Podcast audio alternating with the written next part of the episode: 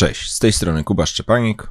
Jacek Wieczorek. Słuchasz podcastu Porządny Agile. Rozmawiamy o tym, jak pracować zwinnie i jak robić to porządnie. Zapraszamy.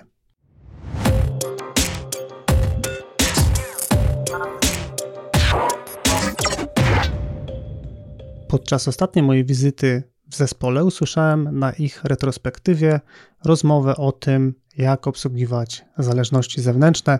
jak sobie z nimi radzić, żeby zwiększyć szanse na to, że elementy, które są prognozowane na nadchodzącą iterację czy nadchodzący sprint, były faktycznie realizowane. Uznaliśmy z Kubą, że jest to ciekawy odcinek e, do nagrania. No i właśnie na zależnościach e, zewnętrznych i sposobach radzenia sobie z nimi opowiemy w dzisiejszym odcinku. Spis treści tego odcinka będzie prościutki. E, najpierw zdefiniujemy, co mamy na myśli i podamy parę przykładów takich zależności zewnętrznych.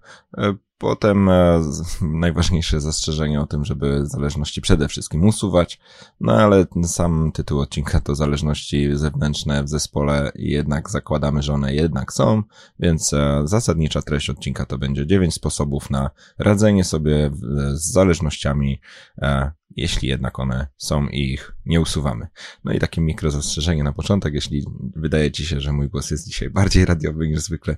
no to wczoraj Lech awansował do 1.8 e, Pucharu Ligi Konferencji Europy. E, wydzierałem się strasznie na tym meczu, więc jestem troszkę zdarty. Ale przejdźmy do rzeczy. Co mamy na myśli, mówiąc o mm, zależnościach zewnętrznych? No, mogą to być zarówno zależności wewnątrzfirmowe, czyli wszystkie te rzeczy, które e, powinniśmy wykonać, e, żeby zakończyć e, pracę planowaną na sprint, no ale jednak nie mamy tych mm, kompetencji w zespole, jak również mogą to być zależności zewnątrzfirmowe, czyli rzeczy, które zupełnie leżą poza naszą e, organizacją. I bardzo często spotykamy z Kubą takie bardzo domyślne podejście, jeśli chodzi o zarządzanie e, zależnościami, e, no że po prostu piszemy do kogoś, odzywamy się do kogoś, czy to mailem, czy to jakimś tam systemem etykietowym, no i czekamy tak naprawdę na to, aż ta druga strona nam odpowie co bardzo często e, nie działa, albo co gorsze, w losowych momentach, kiedy się tego nie spodziewamy, niestety zawodzi. No i zamieniając to, co Jacek e, przed chwilą powiedział na e, większe konkrety, czy takie faktyczne, praktyczne przykłady. Jednym z przykładów zależności zewnętrznej może być to, że są dwa zespoły, na przykład e, jeden realizujący jakieś rozwiązanie techniczne bardziej widoczne na frontendzie, drugi z zespołów dostarcza temu pierwszemu zespołowi jakieś API albo jakieś dane, na których ten pierwszy będzie coś e, budował. No i tak naprawdę e, praca tych zespołów jest e, od siebie uzależniona. Popularnym innym przykładem zależności jest to, że w no, dużych strukturach organizacyjnych czy takich dużych produktach technicznych wiele zespołów będzie bazować na przykład na zespołach dostarczających jakieś rozwiązania infrastrukturalne albo jakieś rozwiązania platformowe. Mhm. No i pewne rzeczy jednak nie są w możliwościach decyzyjnych czy wykonawczych danego zespołu. Przechodząc dalej, często zależności będą związane na przykład z jakimiś e, zespołami biznesowymi, może na przykład zależność od zespołu prawników albo zależność od zespołu marketingu, gdzie żeby stworzyć produkt jako całość, musimy albo polegać na jakichś decyzjach, albo jakichś półproduktach, które integrujemy w to, co w naszym zespole realizujemy. No i ten przykład zupełnie zewnętrzny, e, że na przykład e, nasza organizacja e, ma podpisany kontrakt z jakimś dostawcą jakiegoś rozwiązania, czy to jednego ze systemów, który tworzy jakąś całość, czy może mamy jakieś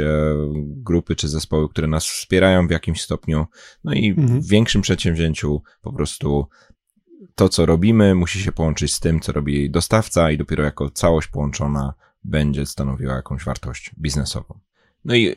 przechodząc do drugiego punktu y, treści, y, takie najważniejsze zastrzeżenie, też takie bardzo, bardzo potrzebne na wczesnym etapie tego odcinka, to to, że co do zasady jesteśmy za tym, żeby takie zależności przede wszystkim e, w miarę możliwości usuwać, czyli szukać tych okazji do tego, żeby te zależności nas nie spowalniały, żeby te zależności nam nie wprowadzały ryzyk. E, no i można to robić na różne sposoby, ale to jak to usuwać akurat nie będzie częścią tego odcinka. Zanim skoczymy już w zasadniczą treść, krótkie przypomnienie, że cały czas dostępne są nasze płatne webinary, które znajdziesz na stronie www.jacek.pl łamane na sklep. No dobrze, to jakie mamy 9 sposobów, żeby sobie radzić z zależnościami zewnętrznymi, zakładając, że to jest ten wariant, kiedy one nie są usunięte i musimy jakoś nimi zarządzić. Taki pierwszy sposób, może on nie brzmieć jak radzenie sobie, to poczekaj na dostarczenie zależności. E, coś, co jest e, szczególnie kłopotliwe w niektórych zespołach, to takie optymistyczne założenie, tak jak Jacek wymieniłeś chwilę temu, e, że no wysłaliśmy tiketa, czekamy, na pewno wszystko dostaniemy, albo mailem uzgodnimy, czy na jakimś spotkaniu się dogadamy, obiecują, że zrobią, na pewno zrobią. No i teraz wielokrotnie robią, ale może być też tak, że, że pierwszym ze sposobów na poradzenie sobie z zależnościami, no to jednak jest przyjęcie takiego założenia troszkę pesymistycznego, że póki nie dostaniemy wszystkiego tego, czego potrzebujemy od zespołu, osoby, firmy, która wprowadza nam zależność e, zewnętrzną, to nie rozpoczynamy swoich prac. I to jest takie trochę zahaczenie o jakby koncepcję definition of ready, że na przykład póki nie dostaniemy interfejsów zewnętrznych, e, to nie nadbudowujemy na nich e, swojego działania, gdzie no cała, cała taka filozoficzna koncepcja, e, żeby no jednak nie rozpoczynać pracy, która może nam utknąć. To trochę jest takie e, linowe, czy takie z, z jakby ze szczupłego um, wytwarzania znanego z procesów wytwórczych, na przykład w fabrykach, że jednak musimy mieć wszystkie elementy składowe najpierw, żeby dopiero potem to auto składać, e, a nie, że ze zdziwieniem odkryjemy, że jednak drzwi nie dotarły na czas, no i cała fabryka stoi, albo przełączamy się i niepotrzebnie tracimy czas na przełączanie kontekstu, e, zamiast po prostu faktycznie, jak już coś podejmiemy, to to zrobić, dostarczyć i zabrać się za następny element. Kolejny sposób radzenia sobie z zależnościami zewnętrznymi to e, rozszerzenie tymczasowo zespołu o osobę z zewnątrz. E, podejście to polega na tym, żeby włączyć do naszego zespołu mm, kompetencje osoby bądź osobę, która tymczasowo jest nam w stanie pomóc. Czyli w przeciwieństwie do tego podejścia, o którym Kuba powiedział przed chwilą, nie czekamy żeby rozpocząć pracę, tylko włączamy konkretną osobę, która może wnieść jakieś brakujące kompetencje do naszego zespołu i no, myślę, że kluczowe jest tutaj to, żeby ta osoba tak maksymalnie poczuła się, że jest e, częścią zespołu, czyli e, faktycznie uczestniczy w ważnych wydarzeniach, czy to w jakichś tam formach codziennych stand-upów, czy to w planowaniach, czy w jakichś formach refinementu, no po to, żeby to faktycznie była współpraca, a nie tylko taki wariant, że jest wyznaczona osoba X, która na przykład nie wiem, dostarczy jakąś wiedzę związaną powiedzmy sobie z frameworkiem e, frontendowym, no tylko faktycznie ta osoba jest z nami. Takim fajnym efektem ubocznym tego podejścia jest to, e, że być może, jeżeli włożymy w to trochę wysiłku, no to będzie szansa zaczerpnąć tej wiedzy i być może za jakiś czas będziemy w stanie jakieś proste e, rzeczy na tym wspomnianym już frontendzie robić samodzielnie. I trzeci sposób nawiązuje do tego ostatniego Jacka zdania. Ten sposób jest trochę sprzeczny z zasadniczą myślą tego, co Jacek powiedział, bo tutaj tego chyba nie wymieniliśmy, ale te sposoby, które, które tutaj proponujemy, one niekoniecznie się e, da, dają zaimplementować wszystkie jednocześnie. Niektóre z nich będą sprzeczne albo atakowały problem mhm. zależności z trochę innej strony. Więc ten trzeci sposób to rozbuduj kompetencje w zespole. E, czyli trochę nie tak, jak Jacek mówi, pożycz kogoś e, z innego zespołu, nawiąż bliską współpracę, wciągnij w sprint, no, tylko jednak takie podejście może już trochę zahaczające o to usunięcie zależności, czyli no budujmy sobie kompetencje, dążmy do tego, Pewnie jest to działanie dosyć długofalowe, czyli dzień po dniu to może nam jeszcze problemu nie uratować, ale długofalowo, e, jeśli na przykład te kompetencje wspomniane przez Jacka frontendowe zbudujemy sobie w zespole, to może się okazać, że nie jest to taki znowu kłopot, albo po prostu już e, ta zależność w ogóle zaczyna e, zanikać, bo na przykład chociaż częściowo jesteśmy w stanie sobie zrobić pewne działania sami lub jesteśmy w stanie poszukać sobie rozwiązania, które któremu my sami podołamy i musimy bazować na tym, czy zespole, czy specjaliście e, z, spoza naszego zespołu. Co długofalowo może oznaczać, że przesuwamy też granice odpowiedzialności naszego zespołu, e, czyli na przykład do tej pory byliśmy tylko czystym zespołem wytwórczym, ale na przykład, ponieważ e, na tyle blisko współpracowaliśmy z DevOpsami e, czy osobami odpowiedzialnymi za release management, że na przykład e, za jakiś czas czujemy się na siłach, żeby również na przykład samodzielnie wdrażać rozwiązania, co może nie jest standardem w danej organizacji, albo na przykład do tej pory jako zespół tego nie robiliśmy. Kolejne podejście to podejście, w którym wydzielamy część, na którą mamy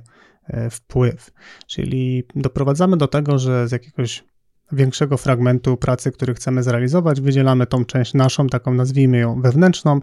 i wydzielamy sobie e, część e, zewnętrzną. I w pewnym sensie to, to trochę brzmi jak taki antywzorzec, no ale są sytuacje, w których to może mieć sens, czyli doprowadzamy do tego, że realizujemy tą część, która jest jakby dostępna po naszej stronie, natomiast bardzo w wyraźny sposób sygnalizujemy, że są pewne elementy, które nie zależą od nas. I to może być szczególnie e, ważne, jeśli zespoły mierzą się z problemem na przykład bardzo e, dużej ilości spadów na koniec sprintu, czyli rodzi się w zespole takie już potem e, psychologiczne poczucie, że właściwie cały czas niczego nie realizujemy. No to w szczególności myślę, że w takich zespołach może podnieść morale, jeśli sobie wyraźnie postawimy granicę, że na pewne rzeczy nie mamy wpływu i pomimo wielu wysiłków, które kierujemy w stronę rozwiązywania zależności zewnętrznych, nadal nie ma efektów, no to my jednak mamy coś co nam się udało e, dostarczyć. Jeżeli temat e, dekomponowania dużych elementów na e, wiele mniejszych sprawia Ci kłopot albo jest to wyzwanie w Twoim zespole, to zachęcam do zapoznania się z naszym materiałem o dekomponowaniu pracy na mniejsze kawałki dostępnej w formule Video on Demand na stronie porządnadziej.pl łamane na dekompozycja. I wspomniałeś o tym, że e, to zespół może być e, tak psychologicznie lekko zdołowany nierealizowaniem zadań, które są uzależnione zewnętrznie. Ja myślę, że jest jeszcze taka perspektywa może przejrzystości i takiej no, organizacyjnej doskonałości, że to odróżnienie tych rzeczy, które zespół robi samodzielnie od tych rzeczy, które są zależne od kogoś innego, czy wewnątrz, czy na zewnątrz organizacji, może być też takim ważnym sygnałem do tego długofalowego jednak usuwania zależności, czyli pokazanie na ile zespoły są pouzależniane i na ile spowalniane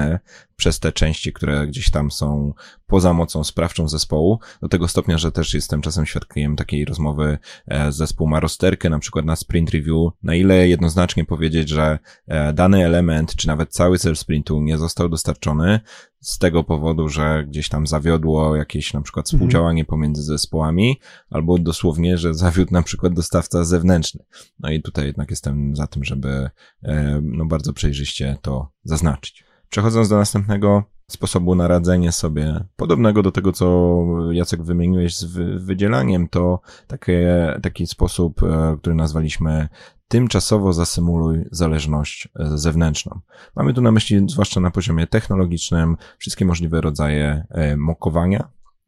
ale również e, na przykład zastosowanie lorem ipsum jako zastępnik e, tekstu, który jednak jest jeszcze na przykład nieprzygotowany przez prawnika, czy przez na przykład zespół marketingu, w zależności od tego, czym jest e, dany produkt, czy na przykład zastosowanie tymczasowego designu rozwiązania od strony graficznej, jeśli jeszcze nie mamy ostatecznej wersji od na przykład agencji interaktywnej albo grafika, czy po prostu założenie, że mamy jakąś wersję rozwiązania od tej strony zewnętrznej, e, przyjęcie pewnych założeń, może optymistycznych albo jakichś takich uzgodnionych i realizację całego naszego zadania przy założeniu, czy takim takim właśnie wmówieniu sobie, że mamy już to, co potrzebujemy i na tej bazie możemy bazować. No i wtedy w optymistycznym scenariuszu, scenariuszu to się fajnie e, złoży w całość, gdy już wreszcie ta zależność zewnętrzna zostanie rozwiązana, czy ten produkt tego zewnętrznego zespołu, czy specjalisty zostanie dostarczony. No może się oczywiście zdarzyć ten pesymistyczny scenariusz, no ale jednak to mówimy o tym, żeby może jednak nie czekać, jak w pierwszej poradzie, którą wymieniałem w odcinku, tylko po prostu przyjąć pewne założenia, e, być może sobie lekko e, dołożyć roboty, żeby jednak e, nie czekać i nie blokować całego swojego rozwiązania. I takim dodatkowym efektem może być to, że jeżeli prowadzimy jakieś spotkania w stylu przegląd sprintu, gdzie pokazujemy, co nam się udało zrealizować, no to ten brakujący element to na przykład może być jakaś odpowiedź, powiedzmy sobie, nie wiem, z systemu płatniczego. Jeżeli mamy zasymulowany ten zwrot, czyli zakładamy, że na przykład płatność zawsze przebiega poprawnie, to jesteśmy w stanie pokazać interesariuszom cały proces. Na zasadzie proces kupowania jest dłuższy niż tylko ta odpowiedź, no więc jesteśmy w stanie uzyskać informację zwrotną, jak ten proces wygląda tak generalnie i to, że ten zwrot z płatności na razie jest zawsze ok, czyli że zawsze płatność przeszła e, pozytywnie, tak naprawdę nie ma aż tak dużego znaczenia, jeśli naszym celem jest zaprezentowanie tego, co udało nam się zrealizować. Kolejnym pomysłem na radzenie sobie z zależnościami zewnętrznymi jest zaplanowanie więcej czasu na sytuacje nieprzewidziane. Czyli wszystkie te czynności, rzeczy, które są związane z zarządzaniem zależnościami zewnętrznymi, one najnormalniej w świecie potrzebują pewnej opieki, pewnego zarządzania, no i po prostu trzeba na to przewidzieć e, czas. Jeżeli planujesz z zespołem e, kolejną iterację czy kolejny sprint i w tym planie nie ma e, przewidzianego czasu na sytuacje nieprzewidziane, no to w pewnym sensie jest to proszenie się o kłopoty, bo w sytuacji jakiegoś opóźnienia, czy spowodowanego e, jakimiś opóźnieniami komunikacyjnymi, czy ta strona, która ma nam coś dostarczyć, po prostu z jakiegoś powodu się opóźnia, no to tak naprawdę, jeżeli nie mamy przestrzeni jakiejś takiej zarezerwowanej na to, żeby obsłużyć te opóźnienia, no to tak naprawdę możemy mieć e, spory problem. Więc warto, warto ten czas przewidzieć już na etapie planowania, e, czy to na poziomie planu, czy to na poziomie nawet konkretnych elementów, które gdzieś tam w procesie być może estymujemy. Warto wtedy uwzględnić to, e, podając nieco wyższą estymatę. Ważne zastrzeżenie, że gdy mówimy, żeby zaplanować e, więcej czasu na takie sytuacje nieprzewidziane, to nie mamy na myśli tego, żeby właśnie na przykład agresywnie czekać na odpowiedź na tiketa, e, czyli to, to, to, nie jest tak, że zakładamy sobie jakiś e, dodatkowy czas, który możemy zmarnować na czekanie na tą zależność zewnętrzną, tylko raczej e, taką jakby bierzemy dodatkową poprawkę na to, że zadania z tymi zależnościami z doświadczenia danego zespołu zapewne to będzie jasne, że no to są po prostu zadania ryzykowne. Tam pewne rzeczy jeszcze mogą wyjść e, dodatkowe, możemy się słabiej dogadać, e, na przykład może będzie słabsza jakość tego rozwiązania, które dostarczył nam jakiś e, partner, współpracownik czy, czy zespół inny. No i, no i to po prostu trzeba w tym planowaniu uwzględnić, czy to w samych wycenach, czy po prostu w jakimś planie pracy w ramach danego sprintu iteracji, czy jakkolwiek te zadania sobie układamy. Dobrze, to kolejny sposób na radzenie sobie z zależnościami, też taki związany bardzo z planowaniem, to wyróżnij wizualnie tematy zależne. E, tutaj no, trochę z innego poziomu abstrakcji niż te inne rady, które mamy, ale jednak e, widzimy, że zespoły w praktyce dążą do tego, żeby nie przeoczyć tych e, tematów zależnych. Dosłownie, no jakby, jak, jakbym tam był w tych e, zespołach, e, takie rozmowy się toczą, zwłaszcza na przykład na retro, albo gdy się odkrywa, że temat jest trudny, no to jednak wielokrotnie wraca temat dosłownie na poziomie stwierdzeń typu, no przeoczyłem to zadanie, albo no faktycznie mieliśmy się przypomnieć, tylko jakoś tak przemknęło. No i tutaj jest e, cała koncepcja pracy wizualnej, czy to poprzez jakieś e, umówione oczywiście w każdym zespole zasady, ale czy to jakaś flagowanie, czy jakiś kolor, czy może nawet dedykowany swimlane dla takich zadań na tablicy zespołu, po to, żeby jednak te zadania były w jakiś sposób e, bardzo widoczny,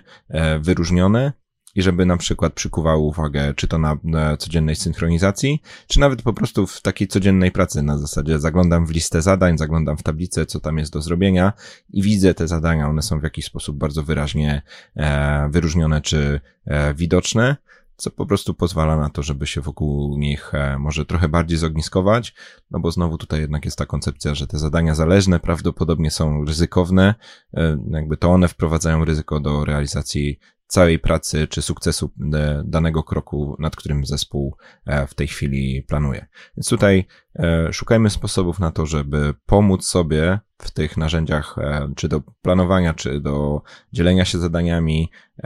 czy do układania jakichś na przykład backlogów, żeby te zadania zależne rzucały się na pierwszy rzut oka. Przedostatnia porada, przygotuj ścieżki eskalacyjne. Bardzo często obserwuję zespoły w takim takiej sytuacji, gdzie trochę już nie czują, że mają wpływ, no i zaczyna się dłuższa dyskusja w ogóle, czy powinniśmy kogoś powiadomić. Trochę wydaje mi się, że to są takie właśnie rozterki, czy to powiadomienie, czy to nie jest przekroczenie jakiejś, nazwijmy to, czerwonej linii. Natomiast z mojej perspektywy jasne przygotowanie sobie jakie są te ścieżki eskalacyjne, czyli do kogo się odzywamy, w jakiej kolejności, kogo informujemy, w jakich odstępach czasowych, może dać zespołowi pewien taki komfort na zasadzie, no skoro umówiliśmy się, że po dwóch dniach coś otrzymujemy i tego nie ma, no to postępujemy w jakiś tam konkretny sposób. Myślę, że może to wprowadzić sporo takiego, nazwijmy to, spokoju do sprintu, gdzie nie jest to jakiś taki nowy obszar, który trzeba zagospodarować, tylko mamy bardzo konkretny e, plan, mamy gotowe ścieżki, które po prostu, jeśli zachodzą pewne warunki, uruchamiamy. I to uruchomienie eskalacji wtedy jest takim po prostu realizowaniem e, z góry założonego scenariusza, gdzie nie ma żadnej emocji w tym wszystkim, po prostu tak jakbyśmy e, nie wiem, zasady gwarancji realizowali. No, na początku umówiliśmy się, że mogę złożyć reklamację,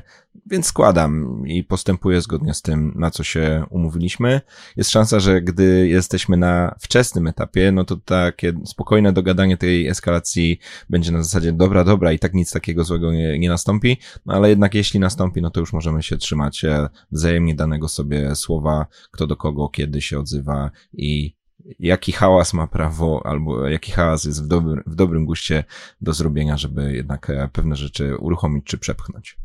I ostatnia porada, już nie będzie taka miła, przypadła w moim udziale. Ostatnia porada to twardo zarządzaj dostarczaniem zależności. Jesteśmy w kontekście podcastu Porządny Agile, jest miło, jest fajnie, jesteśmy samoorganizującymi się zespołami i tak dalej, i tak dalej, ale zwłaszcza gdy wchodzą w grę zależności też międzyfirmowe albo między częściami organizacji, które niekoniecznie pracują w zwinny sposób, e, czy to właśnie na przykład jakieś takie działy wsparciowe, czy jakieś osoby, czy specjaliści, którzy po prostu na co dzień nie pracują w sprintach, nie pracują w, w, tyż, w, tym, w tym klimacie zwinnej pracy, może się okazać, że po prostu e, najskuteczniejszą formą będzie no, klasyczne zaplanowanie sobie pewnych spraw, zbudowanie harmonogramu, potwierdzenie zakresu działania, ustalenie konkretnego planu na dostarczenie pewnych konkretnych e, efektów. No i nie ukrywajmy to, co właśnie wymieniłem, to jednak jest e, klasyczne zarządzanie projektami, które wewnątrz zespołu zwinnego może bardziej się kojarzyć jak właśnie jakiś, jakiś taki zły waterfall, ten mityczny wróg e, czy, czy chochoł, przeciwko któremu zawsze się wszyscy źle nastawiamy. No ale bądźmy tutaj rzetelni. To są normalne metody zarządzania, one mają swój sens, mają swoje, swoje miejsce i może się okazać, że e, do konkretnej potrzeby, czyli poradzenie sobie z jakimiś trudnymi zależnościami, e, najskuteczniejsze, co możemy zrobić, to uruchomić działania, które być może w zespole są w postaci kompetencji kierownika projektu, albo ktoś ma po prostu do tego trochę bardziej taki talent organizacyjny, czy taki może bardziej asertywny, e, asertywne postawienie pewnych spraw. Więc tutaj nie bójmy się też tego, że być może na styku między naszym zespołem a jakimś innym zespołem lub światem zewnętrznym, gdy mamy te zależności, to odrobinę planu takiego klasycznego, jakiś gancik, jakiś zakres prac, jakiś, jakiś, jakaś umowa to, co do tego, co będzie zrobiona, no jest potrzebna i to trzeba zaplanować, a później też bardzo surowo rozliczać. No, czyli jednak też e, śledzić to, czy ten plan działania jest realizowany, jeśli nie jest, to też jednak e, natychmiast reagować, nie odpuścić tematu, e, bo o ile na zespole we, wewnątrz zespołu można się fajnie dogadać, to może się okazać, że już na przykład w relacji z, z firmą zewnętrzną, to, to, już, to już na gębę pewne rzeczy nie dogadamy. Podsumowując dzisiejszy odcinek, jak zespół może radzić sobie z zależnościami zewnętrznymi? Poczekaj na dostarczanie zależności, rozszerz tymczasowo zespół o osobę z zewnątrz, rozbuduj kompetencje w zespole, wydziel część, na którą masz wpływ. Tymczasowo zasymuluj zależność zewnętrzną, Zaplanuj więcej czasu na sytuacje nieprzewidziane, wyróżnij wizualnie tematy zależne, przygotuj ścieżki eskalacyjne i twardo zarządzaj dostarczaniem zależności. Zapraszam 25 i 26 maja na warsztaty Labirynty Scrama, które będę prowadził w Warszawie. Są to warsztaty oparte na treści mojej książki o tym samym tytule i jest to bardzo dobra okazja e, do wymiany wiedzy,